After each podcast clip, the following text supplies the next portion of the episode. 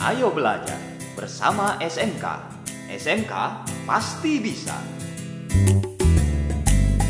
Ayo kita belajar Belajar bersama SMK SMK pasti bisa Pasti bisa SMK Kementerian Pendidikan dan Kebudayaan.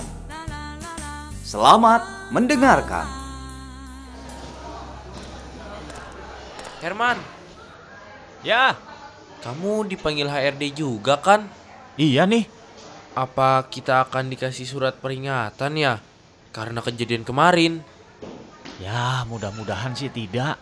Iya, mudah-mudahan hanya dikasih teguran saja. Ya sudah, ayo masuk. Ayo, Sahabat edukasi, selamat berjumpa dalam program Ayo Belajar. Audio pembelajaran perhotelan SMK kali ini akan membahas mata pelajaran sanitasi, higienis, dan keselamatan kerja. Sahabat edukasi sudah pernah mengetahui pencegahan kecelakaan kerja di hotel? Yuk kita simak bersama. Selamat mendengarkan. Gimana kabar kamu, Faki? baik bu. Kabarmu, Herman? Bagaimana? Sudah sembuh tanganmu? Alhamdulillah sudah tidak sakit, Bu. Kok tanganmu bisa terkena mesin mangler? Maaf, Bu. Kami bekerja sambil mengobrol. Iya, saya juga minta maaf sebelumnya. Iya, saya maafkan. Tapi kenapa kalian mengobrol selagi bekerja sih? Kalian berdua tahu kan bahwa mengobrol sambil bekerja, terlebih saat sedang menggunakan alat berbahaya, dapat mengurangi konsentrasi kerja. Iya bu. Masih bersyukur Herman luka bakarnya tidak terlalu parah. Bagaimana kalau lukanya parah? Yang rugi kan kamu sendiri. Iya, Bu. Maaf. Herman sama Fakih paham kan tentang peraturan yang terdapat di hotel ini? Paham bu.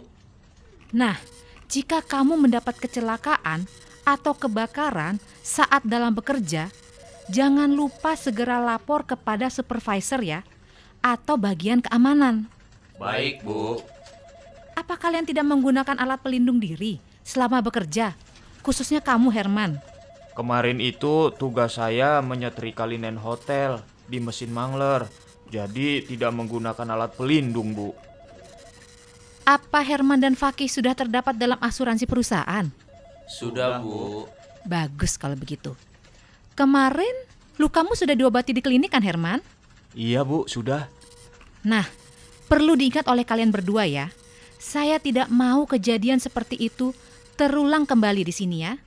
Baik bu. Sudah berapa lama kalian bekerja di hotel ini? Saya dua tahun bu.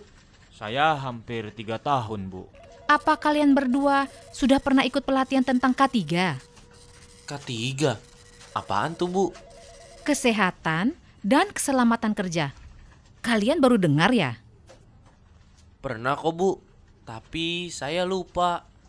Baiklah, besok minggu depan ada pelatihan tentang itu. Yang di dalamnya akan membahas tentang kecelakaan kerja. Di mana bu? Di hotel ini. Oh, begitu. Baik, Bu. Sahabat edukasi, menurut Julian B. Olisivsky, dalam aktivitas pencegahan kecelakaan dalam keselamatan kerja profesional dapat dilakukan dengan menekan atau memperkecil kejadian yang membahayakan, memberikan alat pengaman, memberikan pendidikan atau latihan, dan memberikan alat pelindung diri. Menurut ILO, dalam pencegahan kecelakaan kerja dapat dilakukan dengan beberapa klasifikasi.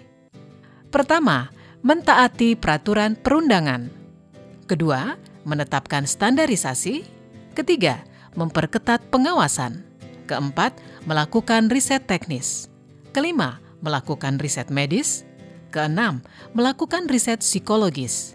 Ketujuh, melakukan riset statistik terjadinya kecelakaan, meliputi siapa korban, bagaimana terjadi, dan apa penyebabnya.